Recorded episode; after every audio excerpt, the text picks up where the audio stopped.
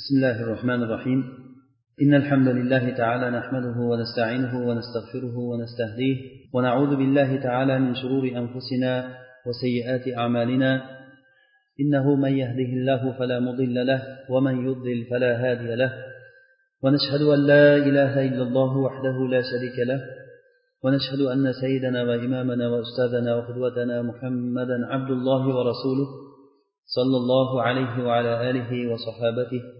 ومن اهتدى بهديه إلى يوم الدين وسلم اللهم تسليما كثيرا وبعد biz qur'ondan qasos surasidan va boshqa bir suralardan shuaro surasi naml suralarida bu yerda muso alayhissalom bilan fir'avnni o'rtalarida bo'lgan voqeani alloh subhanava taolo bizga qissa qilib beradi umuman olganda faqat muso alayhissalom bilan fir'avn o'rtasidagi voqea emas balki bu narsa bizga bundan ko'ra kattaroq bir manhajni ya'ni e, mazlum bo'lgan mo'min kishini yo'lini bizga yorishtirib beradi. Bu mavzumiz ismi mazlum bo'lgan mo'minni yo'li. Hattoki alloh subhanava taolo unga yordam berib o'zini nusratini berib uni yerda unga tamkin qilib imkon qilib berguncha. Qanday qilib turib e, shunday holatdan boshqa bir holatga chiqqan ekanligi. O'zi alloh subhanava taolo bir ishni qilishlikni xohlasa unga sabab kerak emas. Alloh taolo aytadiki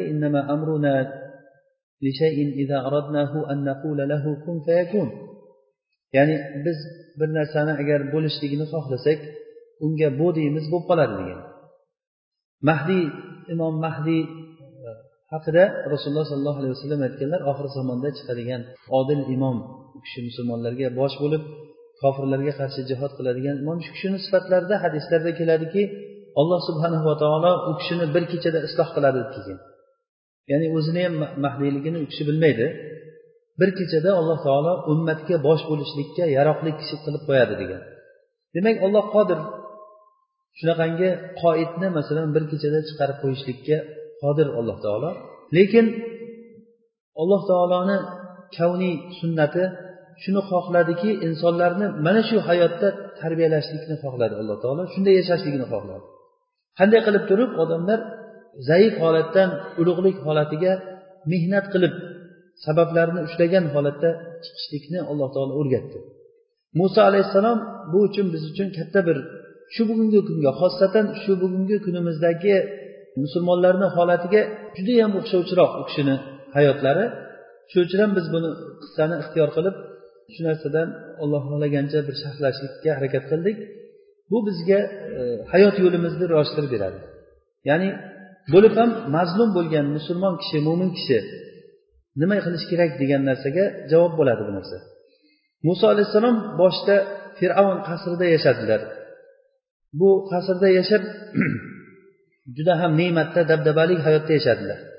Lekin alloh taoloni irodasi shunday bo'ldiki dabdabalik hayotda yashagan kishi ummatga bosh bo'lishligi qiyin. Dabdabalik faqat boylikni ichida hech kamchilik ko'rmagan odam. Masalan rasululloh sollallohu alayhi vasallam ummatga bosh bo'ldilar. Lekin rasulullohni yoshlik davriga siyratiga qaraydigan bo'lsak yetimlikdan katta bo'ldilar. Yoshligidan tirikchilik boshlariga tushgan yoshlik paytidan qo'lidan ish kelish kelgan paytdanoq makka ahlini qo'yini boqib berganlar. Ya'ni arzimagan bir chaqatangalar evaziga qo'y boqqanlar. Undan keyin sal kattaroq bo'lganlaridan keyin shomga qatnab tijorat qildilar. Tijorat bilan shug'ullandilar. Ya'ni bu qiyinchilikni ko'rganlar rasululloh sollallohu alayhi vasallam. Dabdabali hayotda yashamaganlar hattoki e, ba'zi rivoyatlarda keladiki rasululloh sollallohu alayhi vasallam qorni to'yib ovqat yemagan degan. Hayotlarida qorni to'yib ovqat yemagan degan. Ya'ni ummatga bosh bo'ladigan kishi mana shunaqangi qiyinchilik bosqichidan bosib o'tishligini xohlab alloh subhanava taolo muso alayhissalomni bir sabab bilan misrdan qochib chiqishligini taqdir qildi. Misrdan qochib chiqdilar va madiyanga bordilar. qirq besh kun ellik kunlik yo'lni bosib o'tdilar. Bu ketishlikda daraxtlarni e, tomirlarini va o't o'lanlarni yeb juda qattiq katta qiyinchilik bilan madiyanga yetib bordilar va u yerda musofirchilik nima ekanligini ko'rdi uylandilar hayot qildilar va qaytib kelish paytida alloh subhanava taolo u kishiga risolatni berdi. Mana shu joyidan boshlab risolatni bergan vaqtidan boshlab alloh taolo birinchi bo'lib turib o'zini tanitdi muso alayhissalomga. Muso bilan alloh taolo hech qanday o'rtada bir vositasiz gaplashdi. Mana bu narsa muso alayhissalomni boshqa payg'ambarlardan u kishini ajralib turadigan xususiyatlari. Alloh taolo boshqa payg'ambarlar bilan agar bir vosita orqali gaplashgan bo'lsa e, muso alayhissalom bilan alloh taolo hech qanday vositasiz o'ziga shunday to'g'ridan to'g'ri xitob qildi. Keyin muso alayhissalom payg'ambar bo'lganlaridan keyin fir'avnni oldiga bordilar. Bugungi darsimiz mana shu joydan boshlanadi. Ya'ni muso alayhissalom bir da'vatchi ilmlik mo'min kishini misolidagi odam bo'lsa fir'avn bo'lsa juda ham makkor o'ta xudbin o'ta surbit bo'lgan zolim fosiq bo'lgan umuman birinchi gapi ikkinchi gapiga to'g'ri kelmaydigan ayyor bir odamni ko'rinishini alloh taolo sifatlab bergan. Fir'avn juda ham zolim eng zolim va eng makkor odam va bu narsa qiyomat kunigacha ketayotgan fir'avnlarga o'sha fir'avnlarda bo'ladigan sifatlarni alloh subhanava taolo fir'avnda ko'rsatib berdi. Nima uchun bo'lmasa qiyomat kunigacha o'qilinadigan bizni qur'onda bu narsa tilovat qilinadi o'tib ketgan fir'avnni qissasi yana takror va takror keladi. Arof surasida ham keladi baqarada ham keladi namlda surasida bor shuaro surasida bor bu mana qasos surasida bor. Chunki bu biz uchun hayotimiz uchun juda katta ahamiyati bor bo'lgan voqea. Muso alayhissalomni alloh taolo aytadiki muso alayhissalom ularga ochiq bayonotlar bilan kelgan vaqtlarida ular aytishdiki bu sehr bu deyishdi.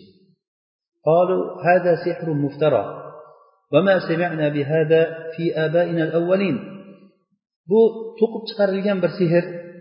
Buni biz oldingi otalarimizdan eshitganimiz yo'q edi dedik. Demak botilni odati shunday bo'ladi. Ularga ochiq oyatlar kelgan vaqtida hech qanday shak shubhasi bo'lmagan bayinot deb turib aytyapti alloh taolo va keyingi davomida boshqa suralarda ham keladiki biz ularga to'qqizta oyatni berdik. To'qqizta oyatni ketma ket qilib berdik. Unda aql egalari uchun haqiqatdan ham muso alayhissalomni haq ekanligi shunday ko'rinib turadigan mo'jizalar edi. Biri hassalarini ilonga aylanib qolishligi va biri qo'lini agar qo'ltiqlariga tiqib chiqarsa qo'li xuddiki quyoshga o'xshagan yarqillab ko'rinishligi va yana boshqa bir undan tashqari yettita oyatlarni bergan to'fonni bergan suv toshib ketishligi chigirtka bosib ketishligi hamma joyni bit bosib ketishligi qon va qurbaqalar bularni hammasi batafsil oyatlar bo'lgan va yomg'ir yog'may qo'yishligi ekin tekinlarni kamayib ketishligi mana bu to'qqizta oyatlar ketma ket ularga keldi. Har oyat kelgan paytda har bir qiyinchilik kelgan paytda ular muso alayhissalomga aytishardiki ey muso robbingga duo qilgin agarda bizni bu holatimizni yaxshi qilsa bizga bu holatdan najot bersa albatta biz iymon keltiramiz. Bani isroilni sen bilan birga jo'natamiz deb va'da berishardi. Keyin ulardan balo ko'tarilsa yana orqasiga qarab burilib ketaverardi. Bu narsa to'qqiz marta davom etgan. Har holatda mana shunday har paytda bir qiyinchilik kelsa bir paytlar masalan bit bosib ketgan. Kiyimlarida ham bit ustilarida ham bit to'shaklarida ham umuman hayotda lazzati qolmagan hamma joyda bit bosib ketgan. Hech ilojini qilolmagandan keyin muso alayhissalomga yolvorib ey muso aytgin robbingga buni ko'tarsin. Biz sen bilan bani isroilni jo'natamiz deb va'da berishadi. Yana bu azob ulardan ko'tarilinsa ular yana orqasiga qarab hamma narsani unutib kofirligiga qarab ketaveradi. Shunaqangi bir sarkash zolim bir qavmni misolini alloh taolo ko'rsatib berdi. Va allohu alam bu fir'avnni jasadini hozirgi kungacha e, saqlanib qolishligi uni o'zidan keyingilarga bir ibrat bo'lishligi uchunki bu fir'avn shuncha zolim makkor odam mana holati mana bunday bo'ladi. Alloh taolo zolimlarga ko'rsatib qo'ydi. Har qancha ne'matda yashamasin har qancha dabdabada va har qancha kibr havoda bo'lmasin bir kuni kelib turib holati mana shunday holatga kelishligi bu haq bo'lgan narsa. Kimki agar buni tan olmaydigan bo'lsa o'zini o'zi ahmoq qilgan bo'ladi. O'zini o'zi ahmoq qilgan bo'ladi. Muso alayhissalom alloh taolodan duo qilib so'radilarki ey robbim meni tilimni yaxshi qilgin chunki u kishini tilida soqovlik bor edi. Meni gapimni ular tushunsin da'vatda. Va meni akam horun mendan ham ko'ra u kishi yaxshiroq. Unga sen vahiy yuborgin u ham payg'ambar bo'lsin haqni birga yetkazaylik deb akasiga payg'ambarlik so'radilar. Shunda ulamolar aytishadiki hech qaysi uka o'zini akasiga muso alayhissalom akasi horunga yaxshilik qilganchalik yaxshilik qilmagan. Chunki muso alayhissalom akasi horunga payg'ambarlikni ollohdan so'rab olib berdi. Lekin alloh subhanahu va taolo u kishini duosini ijobat qilib tillarini isloh qilib qo'yib akasi horunni payg'ambar qilib ikkalasini jo'natdi ikkalasi lekin qaysi o'rinda fir'avn bilan bo'ladigan xitoblarga qarasangiz muso alayhissalomni gap keladi. Qola musa qola musa muso aytdi muso aytdi. Ya'ni horun aytdi degan joyini kam ko'rasiz. Ya'ni faqatgina muso aytdi deb keladi. Bu nima uchunki bu bildirish uchunki islom da'vatchisi haqqa da'vat qiluvchi odamda qanchalik darajada qalbida ixlos bo'lsa alloh subhanava taolo shunchalik darajada ixlosiga qarab unga tavfiqni berar ekan. Men faqat yetkazaman haqni haq faqat men oshib boshqalarga mendan o'tib borsin degan odam u muvaffaq kishi bo'lmaydi. Balki billah bu odam odamlarga haqni tushuntiruvchi bo'lishlikni o'rniga ularga adashtiruvchi odam bo'lib qolishligi ham hech gap emas ekan. Bu narsa da'vatchilarga katta bir ibratki muso alayhissalom payg'ambarlikni akamga bergin u mendan ko'ra yaxshiroq tili mendan ko'ra haqni yaxshi yetkazuvchiroq deb aytganliklari uchun alloh subhanahu va taolo u kishiga akasiga ham payg'ambarlikni berdi va lekin asosiy muso alayhissalomni o'zini tilini ham yaxshi qilib qo'ydi u kishini. Bu narsa niyatlar qanchalik xolis bo'lsa alloh taolo o'sha niyatiga qarab berishligiga katta bir dalil. Rasululloh sollallohu alayhi vasallam aytadilarki madinada shunday bir qavm borki sizlar ya'ni sahobalar jihodga chiqib jihod maydonlaridan qaytib kelish paytlarida aytdilarki madinada shunday bir odamlar borki sizlar qaysi bir vodiyga tushib biror bir joyda qiyinchilikka tushib nima ajrga ega bo'lsanglar ular sizlar bilan birga ajrga ega bo'lib turibdi sabab ularni uzr ularni ushlab qolgan agar uzr bo'lmaganda ular ham sizlar bilan birga chiqqan bo'lardi ya'ni ذلك بأنهم لا يصيبهم ظمأ ولا نصب ولا مخمصة في سبيل الله ولا يطعون موطئا يغيظ الكفار mana bu alloh taolo shu nimani tafsiloti bilan aytadi ya'ni biror bir vodiyga tushsanglar biror bir sizlarga qiyinchilik yetsa hadisda keladiki biror bir tikon kirib agar sizlarga ajr bo'ladigan bo'lsa ular madinada o'tirgan joyda shu ajrni oladi. Nima uchun? Niyatlari bilan. Demak bu narsa biz uchun katta bir darski niyatimizni xolis qilishligimiz kerak. Agar sizni niyatingizda butun yer yuzida e, alloh taoloni shariati hokim bo'lishligini istasangiz hamma odamlar ollohga ibodat qilsin. Hamma odamlar robbisini tanisin. Degan narsa bizda xolis qalbingizda bo'lsa go'yoki siz hamma odamlarni hidoyatiga sababchi bo'lgan odamni nimasini mukofotini olasiz inshaalloh. Mana bu niyat bilan. Ko'ryapsizmi? Qanchalik darajada katta farqi bor buni? Alloh taolo bizdan qiyomat kunida natija so'ramaydi. Nima uchun mo'minlar g'olib bo'lmadi deb so'ramaydi. Bizdan so'ralayotgan narsa qalbimizdagi niyatlar haqida so'ralinamiz. Agarda niyat xolis bo'lsa niyat xolis bo'layotgan bo'lsa inson mana shu niyat bilan o'zi o'zgaradi. Muso alayhissalomni mana bu niyatini xolisligi akasi horunga payg'ambarlik so'raganliklari u kishini haqiqatdan ham niyati xolis kishi ekanligini bir misoli bu. Ikkinchidan muso alayhissalomni akasi aka uka bo'lganligi uchun ham bu olloh subhanava taoloni bir ne'matiki yaxshi solih kishilar bilan hamroh bo'lishlikni barakasi bu. Horun alayhissalom muso alayhissalomni akasi bo'lganligi uchun bu kishi nima foyda ko'rdi? Akasidan ukasidan nima foyda ko'rdi? Payg'ambarlik. Bundan ko'ra kattaroq ne'mat bo'lmaydi. Demak bir solih kishilar bilan birga bo'lishlik kishiga hayotida shunchalik baraka keltiradiki buni hech misli ko'rinmagan barakalarni ko'radi. Ya'ni buni arab tilida mujavvara deb qo'yadi. Yonma yon bo'lishlikdan bo'ladigan foyda. Abdulloh ibn muborakni qo'shnisi bir yahudiy qo'shnisi bo'lgan ekan. Shu qo'shnisi hovlisini sotgan ekan. Hovlisini sotganda qimmat pulda aytgan ekan oluvchiga.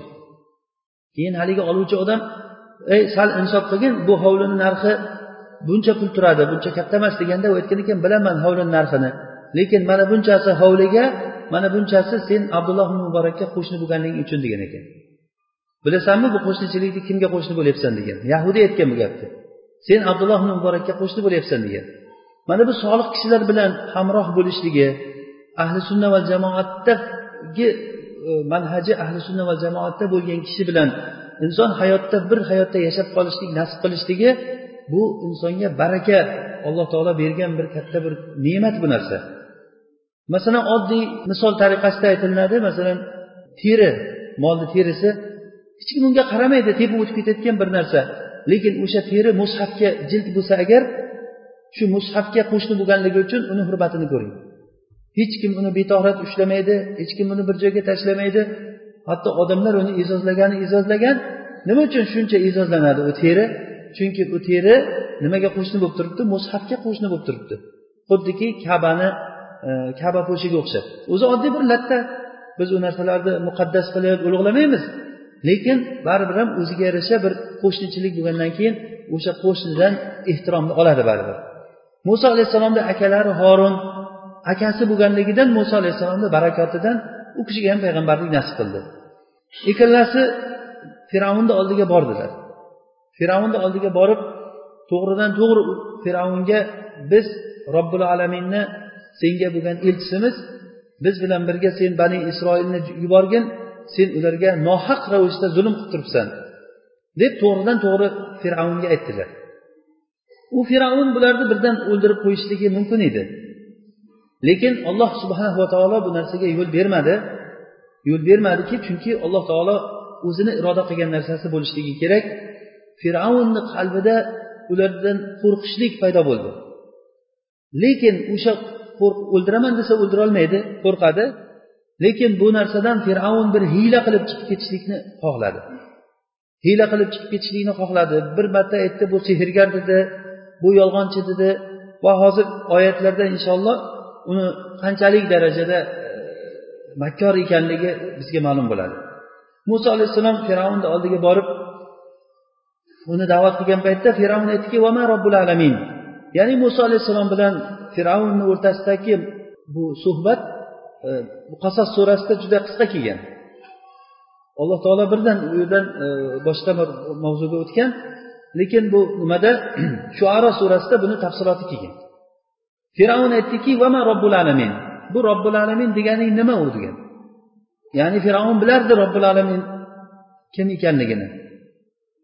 E, Alloh taolo qur'onda aytadiki laqad alimta ma anzala haulai illa robbus samawati val ardi basoir وإني لأظنك يا فرعون مثبورا ey fir'avn bu oyatlarni hammasini robbil alamin tushirgan ekanligini sen bilasan degan ya'ni fir'avn o'zini ich ichidan bilar edi alloh taolo borligini o'zini iloh emas ekanligini bilardi albatta albatta bu odamlarni nayrang qilib turib men sizlarni robbilaringman men sizlarni xo'jayinlaringman deb aldab yurganini bilan lekin u o'zini zaif bir inson ekanligini bilardi u muso alayhissalom o'sha uchun unga to'g'ridan to'g'ri borib turib aytdilarki sen odamlarga hiyla nayrang qilib turib hammalarini nohaq ravishda sen odamlarga zulm qilib yuribsan. Deganda bo'lmasa robbil alamin bu nima? deb so'radi fir'avn.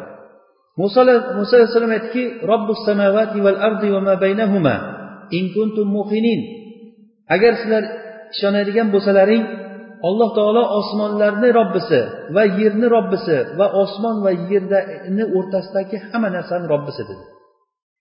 Mana bu narsa da'vatchiga katta bir manhajki birinchi o'rinda siz da'vat qilayotgan kishingizga robbil alamin kim ekanligini tushuntiring. Bu juda ham vodih juda ham sodda juda oddiy va juda tushunarli qilib turib gapirish bo'lyaptiki alloh taolo osmonlarni va yerni va osmon va yerni o'rtasidagi hamma narsani robbisi dedi. Shunda fir'avn sizlar eshityapsizlarmi buni gapini? Xuddiki muso alayhissalomni gapi bir eshitishga ham arzimaydigan narsaday muso alayhissalom gapirayotgan gapi xuddi bir bema'ni gapni gapirayotganday fir'avn o'zi bilib o'tiribdi muso alayhissalom nima deyotganligini. Lekin atrofdagi odamlarga qarab turib qaranglar buni gapini eshitayotgan gapini desa muso alayhissalom yana so'zda davom etdilarki alloh taolo sizlarni ham va sizlarni oldingi robbilaringni ham e, oldingi otalaringni ham robbisidir. Sizlarni ham va sizdan oldingi otalaringni ham robbisi dedi shunda fir'avn aytdiki inna rasulakum allazi ursila ilaykum la majnun. Bu sizlarga yuborilingan payg'ambarlaring majnun ekan dedi. Majnun ya'ni muso alayhissalomni bu gapirayotgan gapi hech majnunni gapimi? Robbisini tanityapti ularga. Agarda sizlar fir'avn odamlarga qaratib ham aytyaptiki agar fir'avn bizni robbimiz deb aldanib yurgan bo'lsanglar sizlardan oldingi odamlarni robbisi kim bo'lgan? Fir'avn tug'ilmasdan oldin kim bo'lgan sizlarni robbilaring? Fir'avn tug'ilgan undan oldin ham odamlar o'tgan uni ota bobolari bo'lgan ularni robbisi kim bo'lgan? Agar sizlar aql ishlatsalaring. Muso alayhissalom bu yerda ya'ni fir'avn bu majnun bu degan paytda muso alayhissalom men majnun emasman demadilar. Ochiqdan ochiq majnun emasman demadilarda ularga aytdiki robbul mashriqi val mag'ribi va ma baynahuma in kuntum taqilun dedilar. Ya'ni alloh taolo mashriqni ham mag'ribni ham robbisi agar sizlar aql qiladigan bo'lsanglar qani sizlar majnun bo'lmaydigan bo'lsalaring shuni bilinglar sizlar. Hech majnun odam mashriq bilan mag'ribni ajrata oladimi? Ya'ni men majnun emasman demadilarda lekin muso alayhissalomni gapidan o'zi ochiqdan ochiq aqlli odamni gapi ekanligi va yana ularni o'zlarini aqlsiz odam ekanligiga aytib qo'yyaptiki in kuntum taqilun. Agar sizlar aql qiladigan bo'lsalaring e, alloh taolo mashriq va mag'ribni robbisi. Ya'ni mana bu sifatlar muso alayhissalomni hozir aytgan gaplari alloh taolo osmonlarni va yerni va bular o'rtasidagi narsalarni sizlarni va sizlardan oldingi ota bobolaringni robbisi va mashriqni va mag'ribni robbisi deb alloh taoloni ochiq tushuntirib qo'ygandan keyin fir'avnga boshqa gapirishga gap qolmadi. Gapirishga gap qolmadidan keyin endi seni qamayman dedi. Undoqda seni men qamayman dedi. Muso alayhissalom aytdilarki men ochiqdan ochiq bayinot hujjat olib kelsam ham meni qamaysanmi dedi. Senga ochiq bir dalil olib kelsam ham seni meni qamaysanmi? deganda fir'avn aytdiki olib kel qani agar gaping to'g'ri bo'layotgan bo'lsa olib kel ya'ni fir'avnni bu gapidan go'yoki fir'avn dalil hujjatni qabul qilayotgan odamday agar gaping to'g'ri bo'layotgan bo'lsa keltir deyapti. Ya'ni bu gapni lozimidan chiqadiki agar keltira olsa fir'avn ishonish kerak u sodiq bo'lgandan keyin. O'zi asli fir'avn uni qamayman dedi. Boshida aytdi bu majnun dedi. Agar majnun bo'layotgan bo'lsa nima uchun qamaydi? Majnun qamalmaslik kerakku majnun hamma narsani gapiraveradigan odam bo'ladi. Va agarda u aqlli odam bo'layotgan bo'lsa uni gapiga ishonishlik kerak. Robbilaringni sizlarni va boshqalarni robbisi desa bu qamalishga arziydigan gapmi bu. Shu gap uchun qamash kerakmi? Mana bu fir'avnni o'zini qanchalik darajada aqlsiz odam ekanligi. Qani hujjating bo'layotgan bo'lsa olib kelgin deganda muso alayhissalom qo'lidagi asolarini tashlagan paytda shu paytda o'zida hech vaqt o'tkazmadi. Bir vaqt muddat belgilab bermadilar. Shunday qo'lidagi asolarini tashlagan zahoti birdan u ilonga aylandi. Keyin qo'llarini qo'ltiqlaridan qo'lini shunday chiqargan paytlarida qo'llari xuddiki quyoshday yarqirab qo'llari chiqdi. Keyin fir'avn buni ko'rib o'tirgandan keyin bu sehrgar ekan bu dedi. O'zi boshdagi gapi agar sen sodiq bo'ladigan bo'lsang hujjatingni olib kelgin degan odam agar hujjating bo'layotgan bo'lsa ishonaman deganida bu. Endi nima uchun bu odam yana bir zo'rlik boshqa bir yo'lga o'tib turib sen bu sehrgar ekan bu deb aytyapti? Va qavmiga qaratib aytganki men sizlarga o'zimdan boshqa ilohni bilmayman degan. Xuddiki bu fir'avnni hiylasi shuki fir'avn bilgan narsa bor bilmagan narsa yo'q deydi. Va xuddiki fir'avn hamma narsani biladi.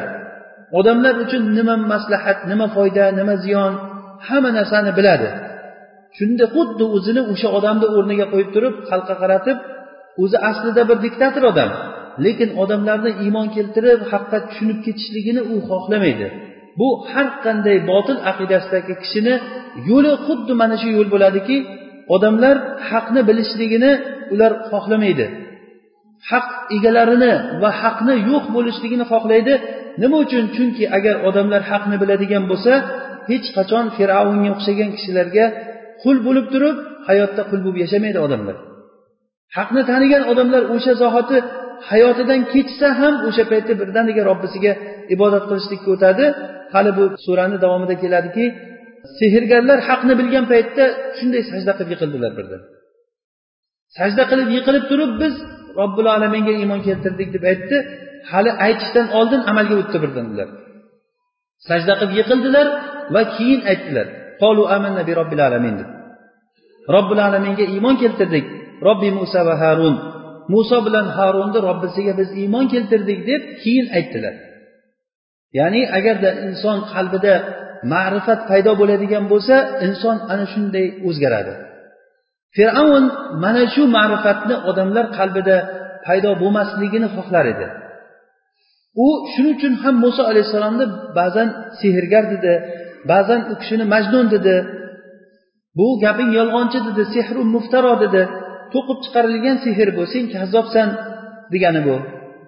Muso alayhissalomni yolg'onchiga ham chiqardi va'dasini buzdi bo'ldi iymon keltiramiz dedidan keyin keyin haligi balo ko'tarilgandan keyin yana va'dasini buzdi. Mana bu narsa fir'avnni xulqi doim mana shunday bo'lib keladi. U agar qo'lidan kelsa haqni va haq egalarini bir kunda bo'g'ib o'ldiradi hammasini. Lekin iloji boricha fir'avn odamlarni qalbini haqni bilmaslikka bilishligidan to'sishlikka harakat qiladi. Agar odamlar haqni biladigan bo'lsa u fir'avnni bir kun ham u taxtida qoldirmaydi odamlar. O'sha uchun fir'avn bir hiyla yo'liga o'tib homon nimaga? Homonga o'zini e, vaziri homonga aytdiki ey homon sen loyga olov yoqib turib g'isht qilgin va shu g'ishtdan menga bir minora qilgin. يا هامان ابن لي صرحا لعلي أطلع إلى إله موسى وإني لأظنه من الكاذبين ey homon sen loyga olov yoqdan keyin g'isht qil va bu g'ishtlardan baland bir minora qurgin o'sha minoraga men chiqib musoni ilohi bilan ilohini oldiga chiqayin lekin men musoni yolg'onchi deb o'ylayman ya'ni bu degani o'ylayman degani yolg'onchiligini aniq bilaman degani Lekin shu bilsam ham endi insof yuzasidan mayli e, uni ham bir dalilini eshitaylik degan ma'noda bo'ldi osmonga bir chiqib tushamiz dedi. Ho'p fir'avn agar muso alayhissalomni yolg'onchi ekanligini biladigan bo'lsa shunchalik darajada bilar ekan bilib o'tiribdi o'zi aytib o'tiribdi buni hech qanday gapi noto'g'ri buni aytgan gapi xato deyapti. Rob olloh osmonda degan gapi sen sen iloh emassan meni ilohim osmonda degan gaplari yolg'onchi bo'layotgan bo'lsa bu hukumatni pulidan shuncha katta minora qurib shuncha odamlarni mashmasha qilib qiyinchilikka solishlikni nima keragi bor? Buni kerak joyi shuki odamlar o'rtasida gap so'z bo'ladiki bilasizmi bu o'zidan o'zi bo'lmaydi bu minora qurishlikni. Nihoyatda katta minora bo'lgan u juda katta bir sifatlari har xil rivoyatlarda kelgan nihoyat darajada katta minora qurishgan ular. Shu minoraga chiqyapti haligi minora qurilguncha odamlar ichida butun shaharda gap bo'ladiki minora quryapmiz fir'avn musoni robbisini bormi yo'qmiligini tekshirib kelar ekan. Degan gap bo'ladi odamlar o'rtasida. Keyin u bitgandan keyin fir'avn o'sha qur'ondagi kelgan istilohlari ham bir ajib bir iboralar bilan alloh taolo bizga aytib beryaptiki ila ilahi musa. Men musoni ilohiga chiqsa attoliya degani arab tilida e, atla degani o'zi chiqaman degani. Attoli deganligi bu ta'kid ya'ni ziyoda bir ma'no. Judayam harakat qilib chiqishlik. Men bormasam bo'lmaydi. Musoni ollohini qani ilohi bo'layotgan bo'lsa bir ko'rib kelmasam bo'lmaydi. Tezroq borishim kerak degan ma'no bu. Keyin bitgandan keyin chiqib kelib yo'q ekan bo'ldi men ko'rib keldim. Odamlar ha bo'ldi mana ko'rdi deb ishonishligi uchun bu narsa. Mana shu mafkurani shu noto'g'ri botil bir xayolni odamlarga o'rnashtirishlik uchun fir'avn mana shu narsani qildi. Va uni diktatorligini qur'oni karimda bir ajib bir iboralar bilan laalli yoki ya nubdili ey homon menga qur qasrni ya'ni odamlar uchun qur odamlar uchun haqni bilaylik demayaptida men uchun qurgin men chiqaman inni men uni yolg'onchi deb o'ylayman. deb hamma zamirlarni arab tilida zamir deydi o'ziga izoh. Ya'ni manmansirash bo'lgan bo'ldi.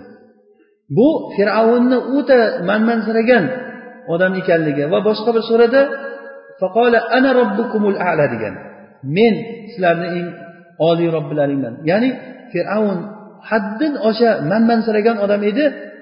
Alloh subhanava taolo mana shu manmansiragan odamni qanday qilib yiqitdi? Uni o'ligini odamlar oldiga olib chiqib tashladi. O'ligini odamlar oldiga olib chiqib tashladi. Bu olloh subhanava taoloni tugamaydigan qiyomat kunigacha davom etayotgan sunnati bu. Qaysiki bir zolim odamlarga zulm qildimi? Bu zulmni oqibatini shu dunyoda ko'radi qiyomatdan oldin. Kamdan kam zolimni zulmi javobsiz qolib turib qiyomatga qolgan. Alloh subhanava taoloni sunnati bu. Buni bitta fir'avn shaklida ko'rsatib bergan bo'lsa aql egalari uchun hayotda judayam ko'p bunga misollar bor. Masalan ba'zi bir cho'pchaklarni aytsa odamga bir yaxshiroq qolishligi mumkin.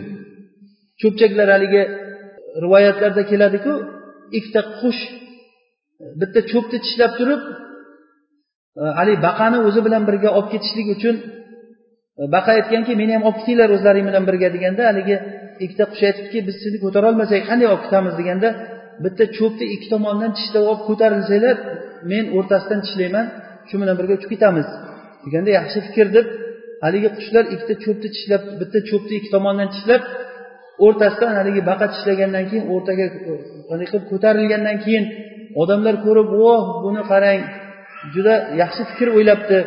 Bu fikr kimdan paydo bo'ldi ekan bu fikr? Degan paytda haligi baqa chidolmasdan men deb og'zini ochib yuborgan ekan. Man deb. Shu paytda tushib ketgan. Qora aka aytganlaridek man dema deydiku. Man dedimi ketdi pastga qarab ketdi. Fir'avn ana shunday manmansiradi u o'zini fikrini odamlarga o'tkazmoqchi bo'ldi. O'zi muso alayhissalomni kelgan kunidan boshlab u tan olmasdi. Bilar edi ich ichidan muso alayhissalomni payg'ambar ekanligini u kishini haq ekanligini bilar edi. Lekin fir'avn odamlarni aldash uchun shunchalik mehnat qilib odamlarni ishlatib xalqni pulini shunga sarflab katta minora qurdirdiki odamlarni haqdan to'sishlik uchun. Mana bu narsa botilni juda katta bir asli bu. Bizga mana shu narsa e, juda katta bir ilm bo'lib tushunarli bo'lishlik kerakki har qanday botil har qanday botil fosil bir hayoliy bir mafkura ustida yashaydi. Har qanday botil tizimni oling. Islomdan boshqa tizimlar har qanday botil bo'lsin ana shu botillarni o'ziga yarasha fosil bir buzuq bir mafkurasi bor. O'sha mafkura bilan odamlarni aldaydi o'sha mafkura bilan odamlar yashaydi.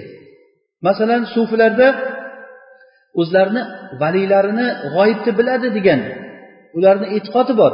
Mana shu e'tiqodni odamlarga singdirishlik uchun ular aytishganki lavhul mahfuz o'n satrdan iborat degan.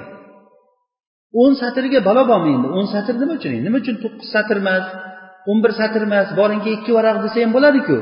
Nimaga? Aynan o'n satr. Chunki odamlarga o'n satr desa e bu bilar ekan degan gap chiqadi. Birinchidan. Ikkinchidan bu o'n satr degandan keyin ichida o'n satrda nima ham bo'lishi mumkin? Aniq o'sha o'n satrni bitta satrida uni valisini ismi yozilgan bo'ladi. Qolgan to'qqizta satrda nimadir bo'lishi mumkin. Demak hamma narsa lavhul mahfuzda ham emas. Bu valiyimiz lavhul mahfuzdan ham ko'ra yuqoriroq joydan oladi manbasini. Degan botil aqidani odamlarga singdirishlik uchun. Bu botil aqida odamlarga qanchalik singsa insonlar robbil alamindan shunchalik uzoqlashib odamlarni oyog'ini tagiga sajda qilishlikkacha yetib keladi bu narsa. Mana vizantiya paytlarida e, nimalarda nasorolarni dinini buzish vaqtida ular shunday bir aqidani tarqatganki odamlarni pulini yeyishlik uchun ularni qul qilishlik uchun aytganki osmon mulklariga ya'ni ollohni roziligiga qo'llaringdagi ne'matlar bilan hech qachon yetib borolmaysizlar. Tuya agar ignani teshigidan o'tishligi mumkinu lekin boy odam hech qachon jannatga kirolmaydi degan. Buni bitta yo'li mol mulklaringni hammasini kanisaga olib kelib beringlar degan. Odamlar mol mulkini kanisaga olib kelib bergan topganni kanisaga olib kelib bergan u kanisada o'tirganlar bo'lsa mazza qilib yegan u narsani odamlarni qonini ichgan. Hattoki shu darajagacha keyin unga ham qanoatlanmasdan ular aytganki jannatni yerlarini sotamiz degan. Jannat yerlarini sotishgacha e, hujjat chiqargan. Sukukul g'ufron deb turib odamlarga mag'firat qilingan daftarcha yozib beravergan. Xuddi diplomdek kim pul olib kelib bersa jannatdan buncha yer ajratildi bunga. Bunga jannatdan buncha yer ajratildi deb qog'oz berib odamlarni aldavergan. Bu narsa hattoki o'sha ularni sukukul g'ufron degan narsani sotgan birinchi. Ya'ni gunohi kechirildi gunohi kechirildi. Kim mol olib kelib bersa e, masalan haftada bir kun agar yig'ib terib hamma narsangizni olib kelib bersangiz shu hafta qilgan gunohlaringiz bo'ldi kechirildi deb qog'ozga yozib bergan. Bechora xalq gunohimiz kechirilyapti ekan deb turib bor mulkini olib kelib beravergan. O'shanga ham qanoatlanmasdan faqat gunoh kechirilishi bilan ish bitmaydi jannat kerak emasmi sizlarga? Kerak jannat kerak bo'lsa nimaga sotolmaysizlar mana sotilyapti. Kimga kerak? Kelgan odamga jannatdan yozib beravergan. Shu payti kutilmaganda kanisaga bir yahudiy kirib kelganda do'zaxni sotmaysizlarmi? degan. Buni o'ylamagan bularki pul bo'lsa bo'ldi endi botil aqidaga. Sotamiz qancha desa katta pulda aytgan do'zaxga. Chunki hech kim olmaydi do'zaxni. Men do'zax sotib olaman degan. Do'zaxni sotgan xat qilib yozib bergan falonchi do'zaxni oldi degandan chiqib odamlarga aytgan ekanki haloyiq men do'zaxni sotib oldim mana hujjati. Hech kimni kirgizmayman bo'ldi ishlaring qilaveringlar degan. Bo'ldi do'zaxdan qutuldik deb turib hamma keyin kanisaga kelmay qo'ygan ekan. Keyin qarasa kanisa ashoblari odamlarni kanisaga qaytarish kerak. Kanisaga qaytmasa ahvol og'ir. Keyin yana borib turib haligi yahudiyga iltimos qilib katta pulni evaziga do'zaxni yana qaytadan kanisaga joyiga qaytarib qo'ygan. Bo'ldi do'zax joyiga qaytarildi. Deb mana shu aqida bilan odamlar yashadi. Millionlagan milliardlagan xalq fosil bo'lgan aqida ustida yashayapti. O'sha uchun odam hayron qolasizki nahotki inson ham shu fikrga boradimikan? Deb masalan hozirgi e, biz o'zimiz tarixda ko'rgan ikkita bosqich masalan sotsialist sotsialistik tuzum bilan sotsializm tuzumi bilan kapitalizm tuzumi. Bu ikkalasini ham bitta mafkurasi yerdan chiqadigan ozuqalar odamlarga yetmaydi degan aqidasi bor. Ya'ni yerni yerdan chiqadigan mulk ovqatlar bug'doy odamlar yeydigan kiyadigan narsalar hozirgi odamlarga yetmaydi degan aqidasi bor. Lekin buni bu aqidani yechimini ular ikki xil hal qilgan. Sotsializm tuzumidagi odamlar hisoblab ko'rsa o'zlarini hisobi bo'yicha sakson foiz odamga yetmaydi yigirma foiz odamga yetadi. Yer resurslari.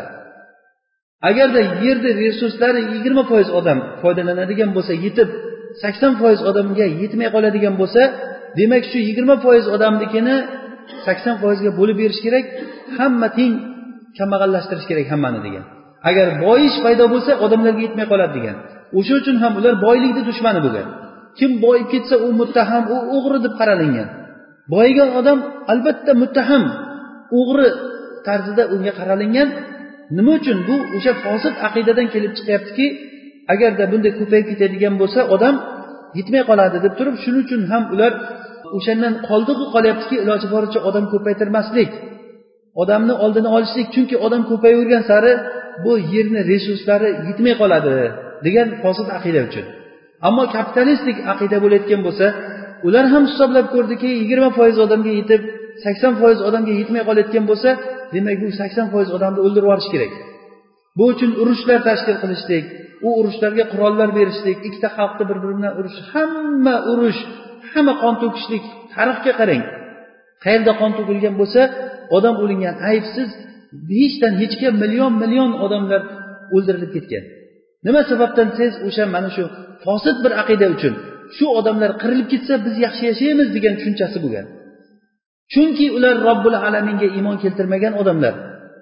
Butun mulk ollohniki degan narsa ularda yo'q.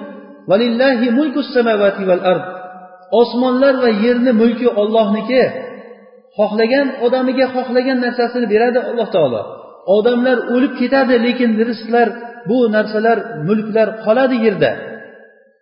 Mana qiyomat bo'lgan paytdani rasululloh sollallohu alayhi vasallam aytadilar qiyomat qoyim bo'lgan paytda birinchi qiyomatni ovozini eshitadigan kishi o'zini hovuzini chiqib turib chetlarini loylab hovuzini isloh qiladigan odam qiyomatda birinchi bo'lib turib ko'radi degan. Ya'ni bu nima degani? Demak o'sha paytda tirikchilik bo'lar ekan suv bo'lar ekan yer bo'lar ekan xurmo daraxtlar bo'ladi. Rasululloh aytganlarki agar qiyomat bo'lib qolsa sizlarni bittalaringni qo'lida ko'chat bo'layotgan bo'lsa agar iloji bo'lsa shu ko'chatni o't qizsin degan. Agar imkon topa olsa shu ko'chatni o't qizsin ya'ni bu deganiki hayot davom etadi. Mana shu aqida bilan odamlar o'zlarini farzandlarini o'zlari o'ldirganlar. Fosid aqida uchun agar shu bolam yashaydigan bo'lsa meni ovqatim kamayib qoladi kambag'al bo'lib qolaman degan aqida fosid aqida olloh asrasin bu mo'min kishilarda bu narsa mo'minman degan qiblaga qarab sajda qilayotgan odamlarda mana shu aqida o'rnashib qolganligi uchun ham bolani oldini olishlik odam ko'paytirmaslik iloji boricha juda oshib borsa uchta to'rtta farzand qilishlik undan tashqarisini qanday boqasan bu turishda degan tushuncha o'sha johiliyat davridan hozirgacha bu davom etib kelyapti. o'sha uchun ham biz bir narsani bilishimiz kerakki har qanday botil bir fosil bo'lgan xayol ustida yashaydi. u har qancha shakli bizga jimjimador bo'lib ko'rinsa ham bir shakllari har xil bo'lib ko'rinsa ham lekin u fosil bo'lgan bir aqida fosil bo'lgan bir mafkura ustida yashaydi va o'sha narsaga odamlarni majbur qiladi. O'zlaricha bir to'qib chiqargan narsalarga masalan e, e, nimalarga ekilinadigan donlarga ibodat qilgan odamlar bo'lgan. Donga ya'ni yerga sochiladigan donga ibodat qilgan. Bug'doyga ya'ni bug'doyga ibodat qilgan odamlar. Nega? Chunki ular o'ylaganki bug'doy bu hayot bandayi shu sababli biz yashab turibmiz degan. Lekin ular o'ylamadilarki bug'doyni yeb qo'yyapmizku biz deb o'ylamadi. A u xoliq bo'ladigan bo'lsa kuch quvvat bug'doyda bo'layotgan bo'lsa nimaga odamlar uni yeb qo'yyapti uni? Va xuddi shunday boshqa narsalar ham. Kuchli deb o'ylab turib olovga ibodat qildi odamlar. Qarasa olov hamma narsani yondirib yuboryapti. Majusiylar olovga ibodat qildi. Mana shu olovga ibodat qilgan odamlar bir qancha payt yer kurrasida eng kuchli odamlar bo'lib turgan. Fors imperiyasi paytida fors imperiyasi bir paytlar yer kurrasida bitta imperiya bo'lib turgan. Ya'ni rumni ustidan g'olib bo'lib turgan rasulullohga payg'ambar kelgan paytlarida. Behsani bosh boshida fors rumga g'olib bo'lgan. Ya'ni yer kurrasiga ega bo'lib turgan aqida olovga ibodat qilgan. Nima uchun olovga ibodat qilgan? Chunki ularni fosil bir mafkurasi bo'lganki chunki olov hamma narsani kuydiryapti yondiryapti. Demak mana shunga ibodat qilsak biz bizni yondirmaydi bu deb o'ylashgan. Lekin ular o'ylamadilarki bu olovni suv o'chirib qo'yyaptiku. Olovni suv o'chirib kimdir shamolga ibodat qilgan shamol hamma narsani buzib ketganligi uchun qarasa hamma narsani uchirib ketyapti shamol.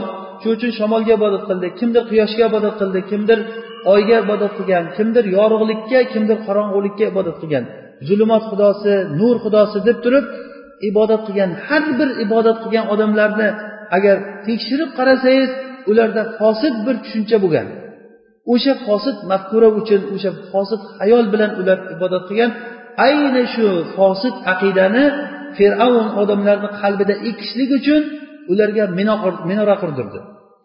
Va bu minoraga chiqib turib olloh bilan men gaplashaman deb chiqdi. Butun tantanalar bilan katta bir dabdabalar bilan kun belgilab bo'ldi fir'avn chiqar ekan bugun chiqar ekan mana chiqyapti fir'avn chiqdi deb turib chiqib oxiri qilgan ishi yo'q ekan hech narsa. O'zi bilardim yo'qligini faqat sizlar uchun men insof qilib xotirjam bo'lishliklaring uchun mani ko'rib tushdim o'zi shundoqlar ham bilardim o'zi yo'qligini. Degandan keyin odamlar shu joyda hammasi fir'avnga itoat qildilar. Ular o'zi asli o'zi fosiq qavm edi. Ya'ni alloh subhanahu va taolo فذلك برهانان من ربك إلى فرعون وقومه إنهم كانوا قوما فاسقين oyati kecha biz buni o'tgan darsimizda aytgandikki bu ikkita oyat ya'ni hassani ilonga aylanib qolganligi va qo'llarini qo'ltig'idan chiqarsalar qo'li yorug' bo'lib turib quyoshday nurlanib ketganligi bu ikkita hujjatni fir'avnga borgin mana bu fir'avn va uning qavmiga bir dalil bu narsa. Chunki ular fosiq qavm deb aytyapti alloh taolo. Ularni fosiqligini aytishni nima keragi bor bu yerda hozir? Fir'avn va uni qavmiga borgin deyilinadigan joyda alloh subhanava taolo ularni fisqini aytyapti. Chunki muso alayhissalom hujjat va bayonotlar bilan kelgan paytida ularning fosiqligi ularni iymonga kelishligini oldin to'sib qoldi. Hattoki sehrgarlar bilan tortishish paytida ularni haqiqiy fisqi ko'rinadi. Muso alayhissalom hujjatni keltirgandan keyin fir'avn nima deysizlar bularni nima qilish kerak endi deganda uni atrofdagi maslahatchilari aytishdiki uni jo'natgin odamlarni jo'natgin bularni bu yoqqa qo'yib turgandan keyin odamlarni atroflariga jo'natgin sehrgarlar kelsin u bilan tortishsin ko'raylik uni degan. Bo'pti deb butun atroflarga sehrgarlarga jarchilar yuborib turib sehrgarlar jamlandi. Eng kam rivoyatlarda kelganda to'qqiz ming sehrgar kelgan degan. Ya'ni judayam usta ustasi parang bo'lgan sehrgarlarni sizga olib kelsin odamlar jarchilarni jo'nating degan. Fir'avn jarchilarni jo'natgan sehrgarlar kelgan. O'sha paytda odamlarga qarab turib maydonga sizlar ham chiqasizlarmi bu tortishuvni ko'rishga? desa odamlar aytishdiki ha biz chiqamiz. Chunki agarda sehrgarlar g'olib bo'layotgan bo'lsa biz o'shalarga ergashishlik uchun chiqamiz degan.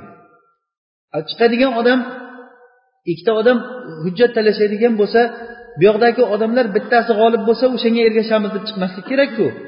O'zi asli ularni maqsadlari haqqa ergashishlik bo'lmagan. O'sha uchun ham haqni ko'rgan paytda sehrgarlar yengilib ular iymon keltirgan paytida xalq iymon keltirmadi. O'zi asli insof bilan aytganda xalq iymon keltirish kerakmidi yo'qmidi shu paytda? O'zi nima uchun chiqdi?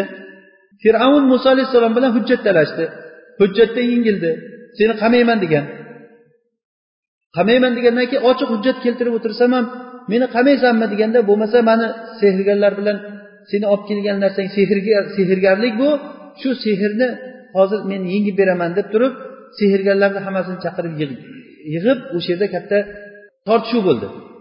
Muso alayhissalom hassalarini tashlagan paytda haligi sehrgarlarni tashlagan e, nimalari orqonlari kaltaklari odamlarni ko'ziga ilon bo'lib ko'rinib turgan paytida haligi muso alayhissalomni kaltaklari ilon bo'lib turib bir yamlab hammasini yutib yuborgan sehrgarlar to'qqiz mingta odamni bilasizmi to'qqiz mingta odam agar bittadan tashlasa ham qancha narsa bo'ladi? Mana shuncha narsani bir yamlashda yutib yuborgan hammasini. Buni ko'rgan sehrgarlar bu sehr emas bu. Haqiqatan ham alloh subhanava taoloni hujjati ekan bu deb bilgan paytda sajda qilib yiqildilar. Mana shu paytda fir'avn yana hiylaga o'tdi. Aytdiki bo'ldi biz yengildik. Endi yengilsak ham iymon keltirmaymiz biz demadida aytdiki ha sizlarni tillaring bitta ekan dedi. Bu muso sizlarni hammalaringni boshliqlaring bu degan. Bu sizlar manaqadagi bizni xalqimizni xalqimizni sizlar yurtidan chiqarib yo'q qilishlik uchun o'ylab topgan nayranglaring sizlarni bu degan. O'zi aslida sehrgarlarni kim olib keldi? Muso alayhissalom qochib chiqib ketib muso alayhissalom ketib bir necha yil madyanda yashab qaytib kelgan paytlarida fir'avn bilan bo'lgan muloqotlar fir'avn bilib turibdi bu narsa nima bo'layotganligini. Lekin o'sha bilgan holatida ham bilib turib haqni ko'ra bila turib sizlarni tillaring bitta deb aytgan.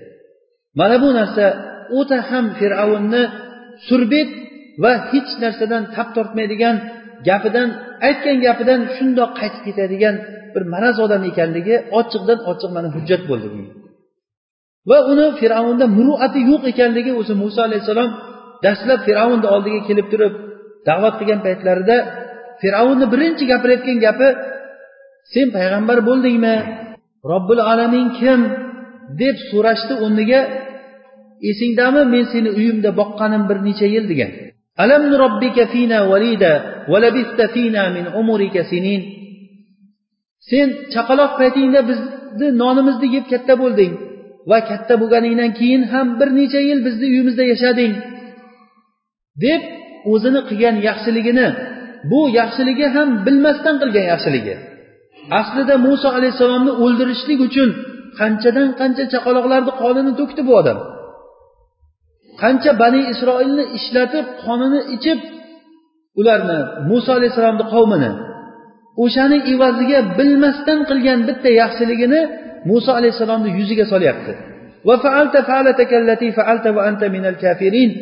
Sen mana bu qilgan ishingni qilding keyin. Ya'ni muso alayhissalom bir nimani o'ldirib qo'ygandilar misrlikni. Uni ham o'ldirishligi xatoan bilmasdan o'ldirganlar. Bir qibtiy bilan misrlik bilan bir isroiliy kishi ikkalasi janjal qilib turgan paytda muso alayhissalom ustidan chiqib qoladilar. Va o'shanda isroiliylik qibtiylikni ziyoniga muso alayhissalomdan yordam so'raydi. Shunda muso alayhissalom yordam beraman deb kelgan paytda haligi qibtiylik muso alayhissalomga tashlanganda muso alayhissalom o'zidan qaytarishlik uchun bir urganda o'lib qoladi boyagi odam mana shu u kishini qilgan ishi. Shu bilan keyin qo'rqib bular o'ldirib qo'yishligidan qo'rqib qochib chiqib ketganlar. Mana shu qilgan yaxshiligini muso alayhissalomni yuziga solyapti. Va birinchi fir'avnni aytgan gapi seni chaqaloq paytingdan boshlab biz yedirdik ichirdik. Bizni uyimizda tarbiya topding va bir necha yil yeb ichding ba'zi rivoyatlarda qirq yil muso alayhissalom fir'avnni uyida yashagan degan isroiliyatlarda kelgan qirq yil. Allohu alam necha yil bo'lganda ham har qalay yoshi katta kishi bo'lguncha turganlar o'sha yerda. Keyin qilar ishingni qilib turib nonko'r bo'lib chiqib ketding sen. Bizdan deganda muso alayhissalom buni raddiyasida muhim bo'lgan narsa bilan gapni boshladilar. Birinchi fir'avn aytdiki sen bizni uyimizda yeb ichding degan gapiga javob bermasdan ikkinchi gapiga javob berdilar. Fir'avnni ikkinchi gapi sen mana bu qilg'iliqni qilib chiqib ketding. Degan gapiga aytdilarki men bu ishni qilgan bo'lsam bilmasdan qilganman. Dollin bu yerda xato ma'nosida. Ya'ni zalolatda baytim qildim degan ma'noda emas bu. Ya'ni men qilgan bo'lsam buni bilmasdan qilganman. Ya'ni men sizlardan qo'rqqan paytimda keyin shahardan qochib chiqib ketdim. Robbim menga payg'ambarlikni inom qilib berdi. Sovg'a qilib berdi menga. Endi sen bani isroilni shunchalik qul qilib bir necha yil ishlatib shuncha qiynaganingni evaziga menga bitta yaxshilik qilganliging shu to'g'ri keladimi degan fir'avnga.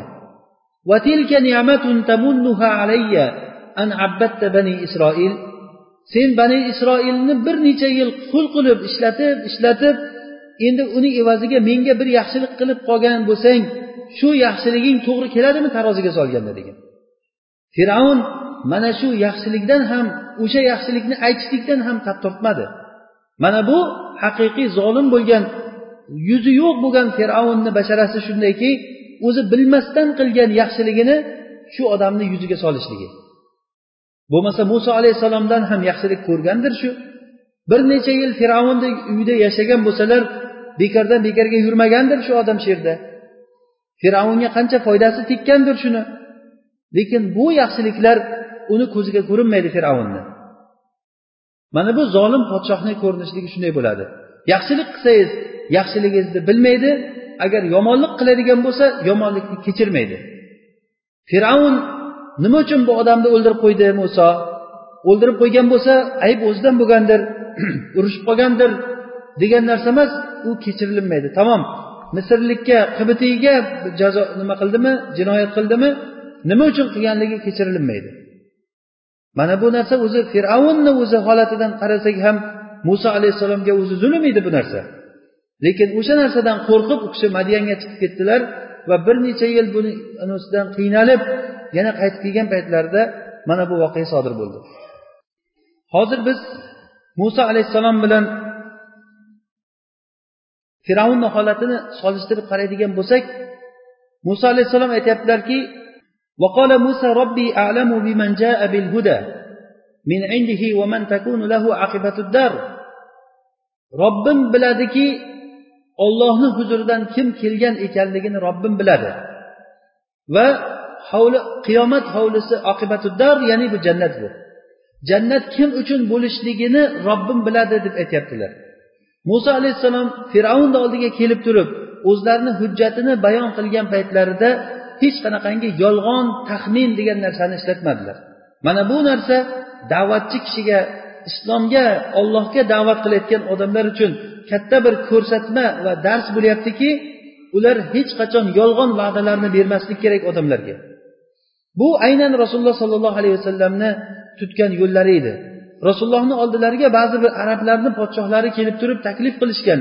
Rasululloh makkada paytlarida qiynalib yurganliklarini ko'rib ko'chada ko'rgan odam rasulullohni so'kar edi hatto muborak yuzlariga tuflagan holatlari bo'lgan odamlarni. Ayollar ham kelib baqirib ketaverardi. Yoshlar ham kim bo'lsa rasulullohni masxara qilib ketayotgan bir paytda arablardan bir podshosi eshitib qolib u aytgan ekanki agarda meni shahrimga kelib da'vat qilsin men unga sharoit yaratib beraman. Agarda uni ishi zohir bo'lib g'olib bo'lib ketadigan bo'lsa keyin mulkni ikkiga bo'lamiz degan bu. Shunda rasululloh sollallohu alayhi vasallam aytdilarki mulk ollohniki olloh o'zi xohlagan joyga o'zi qo'yadi. Men u narsani va'da qilmayman. Iymon keltirsang jannatni beradi alloh taolo lekin jannat ollohniki degan. Mana bu biz uchun mana bu hozir muso alayhissalomni gaplarida ham وقال موسى ربي أعلم بمن جاء بالهدى من عنده ومن تكون له عاقبة الدار kim hidoyatda ekanligini olloh biladi va oqibatuddar bu misol tariqasida aytilayotgan narsa ya'ni hovlini oqibati inson musofir bo'lib safarda yurib yurib yurib oxiri bir yetib borgan joyi aqibatuddar deyiladi ya'ni oqibat kimni boradigan joyi qayer ekanligini olloh biladi alloh taolo hammamizni oqibatimizni yaxshilik qilsin. Bu aqiba aqibatuddar doim yaxshilikka misol bo'lib ishlatiladi. Nema uqbaddar masalan oyatda. Jannat ahllari jannatga kirgan paytlarida ular jannatdan umuman chiqishlikni xohlamaydi. U yerdan boshqa yoqqa ketishlikni xohlamaydi va o'sha paytda ular bu jannatni maqtab aytiladiki bu hovli qanday ham yaxshi hovli deb muso alayhissalom ularga mana shu narsani va'da qildilar. Yana bitta solishtiruv fir'avnni noinsof ekanligi fir'avnni. Muso alayhissalom ularga da'vat qilib kelgan paytlarida da'vat qilib kelgan paytlarida ular e, muso fir'avn men sizlar uchun o'zimdan boshqa hech qanday ilohni bilmayman deb o'ziga nisbat berib manmansirab gapirganligi. Ammo bilqis saba viloyatini malikasi bilqisga sulaymon alayhissalom xat yozib uni da'vat qilgan paytlarida u podshoh vazirlarni chaqirib turib inni ulqiya ilayya kitabun karim innahu va innahu min sulaymon innahu min sulaymana va innahu bismillahir rohmanir rohim alla ta'lu alayya va atuni muslimin deb turib u kishi vazirlarni chaqirib aytdiki menga sulaymondan bir muborak bir ulug' bir xat kelibdi. U xat ollohni ismi bilan yozilgan. Menga kattalik qilmanglar sizlar musulmon bo'lib kelinglar deb da'vat qilibdi ekan shunga sizlar nima deysizlar? Men sizlar bir narsa demaganlaringcha bir narsa deb turib hukm chiqarmayman deb podshoh insofi borligi uchun vazirlarni chaqirib turib o'rtaga tashlagan mavzuni. Fir'avn bo'layotgan bo'lsa hech kimdan maslahat so'ragan yo'q. Hammani yig'ib turib ey haloyiq muso sizlarni da'vat qilishga ketdi ekan men o'zimdan boshqa ilohni sizlarga bilmayman degan. Bu degani ovozingni chiqarmay hech qaysing degan. Mana bu narsa ham qur'onni bir ajib bir bizga beradigan latif bir e, ishoralariki fir'avn haqiqatan ham fikr jihatdan juda ham diktator odam bo'lganligi. Ammo bilqis e, saba viloyatini malikasi bilqis unga xat borgan paytda maslahat solib ularga maslahat so'raganda ular aytgan ekanki biz quvvat egalarimiz kuch egalarimiz. Agar siz podshoh bo'lib turib bir narsa desangiz sizni tomoningizda turib beramiz urush kerak bo'lsa urushamiz. degan va hokazo uni o'ziga yarasha bir qissasi bor. Qisqasi o'sha malika islomga kelgan. Sulaymon alayhissalomga u iymon keltirgan. Mana bu kishini agar o'zi insof bo'layotgan bo'lsa agar haqqa ergashishlikka niyati bo'ladigan bo'lsa mana shu niyati bilan alloh subhanava taolo uni hidoyatlaydi. Ammo qalbida kibr bo'layotgan bo'lsa xuddiki mana shu narsa fir'avn va uni qavmini haqdan to'sgan narsa shu.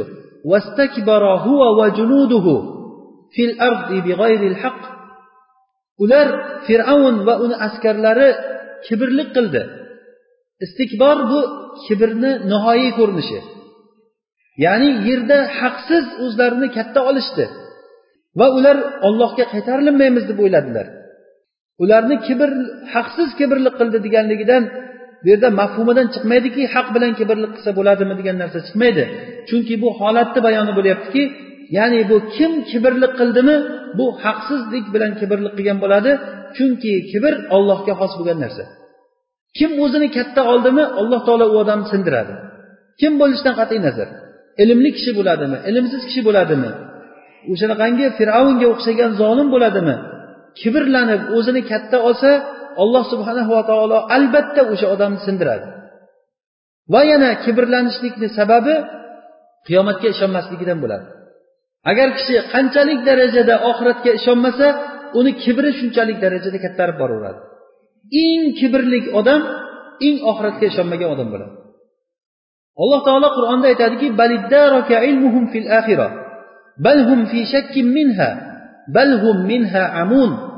ularni oxirat to'g'risidagi iymoni oxiratga bo'lgan ilmi eng tuban yerga borib qolgan. Ya'ni iddaroka degani balag'a ila dark dark degani darkil asfal eng pastki tuban darajaga tushib qolgan. Va undan keyin balhum fi shakkin minha balki ular oxiratdan shakda balki ular oxiratdan ko'r deb kelyapti keyingisida ya'ni billah odam o'zini katta olgandan keyin haqdan o'zini ustun qo'ygandan keyin bugungi kunidan ko'ra ertasi kuni ertasidan ko'ra undan keyingi kuni borib borib borib borib shunday holatga chiqar ekanki tamoman oxiratni inkor qiladigan odamga chiqadi. Va ana shu odam haqiqiy kibrlangan odam bo'ladi. Bo'lmasa fir'avn va uni askarlari ularga hech narsa bir ochiq bo'lmagan narsa qolmadi. Oyatlar ketma ket keldi. To'qqizta oyatni alloh taolo ularga ko'rsatib qo'ydi. To'qqizta oyatlar ketma ket keldi va ular birortasiga iymon keltirmadi. Va oxir oqibatda nima bo'ldi? Alloh subhanava taolo ularni hammasini olib borib turib bir joyga jamlab ularni hammasini yo'q qildi. Olloh bu narsaga qodir bo'lgan zot. Lekin alloh subhanava taolo bizga bir narsani o'rgatadi bu suradan. Suhbatimizni oxirida shu narsani yakun qilamizki bizga bitta o'rganadigan narsamiz musulmon kishi yo'lini boshlanishi bilan oxirini bilishligi kerak degan narsa bu muso alayhissalomni nimasi da'vat yo'llari qanday boshlandilar va oxiri qanday tugadi? Oxiri fir'avnni halokati bilan val aqibatu lil muttaqin in tansurulloha yansurkum inna lanansuru rusulana valladina amanu ana oqibat mana shu bilan tugaydi ya'ni oqibat taqvodorlarniki oqibat taqvodorlarniki oqibat sabr qiluvchilar bilan bo'ladi. Agarda sizlar ollohga yordam beradigan bo'lsanglar alloh subhanava taolo albatta sizlarga yordam beradi. Bunga iymon keltirishligimiz kerak. Mana shu iymon va sabr bilan biz yaxshi bir natijalarga erishishligimiz mumkin. Ibn taymiya rahimaulloh aytadilarki sabr va ishonch bilan ishonch deganda mana shu narsani aytamiz. Ishonch siz mana shu yo'lga tushsangiz oxiri mana shu. Shunga ishoning. Muso alayhissalomni yo'li rasululloh sollallohu alayhi vasallamni yo'llari payg'ambarlarni yo'llari bu yo'lni boshlanishligi mana shunday boshlanadi. Tugashligi uqubatdar jannatga kirishlik bilan tugaydi. Boshlanishligi qiyinchilik bo'lgan bilan achchiq bir hayot bo'lib ko'ringan bilan hayot haqni gapirgan odam qo'lida xuddi cho'g'ni bir ushlab turgan odamday bo'lib ko'ringani bilan lekin oxirat uqubatdar jannat hovlisi bo'lib tugaydi. Botil yo'lni tutgan odam xuddi fir'avnni oqibati bo'ladi va qiyomat kuni bo'lgan paytda fir'avnga qo'shilib u do'zaxga kirishligini alloh taolo aytadi.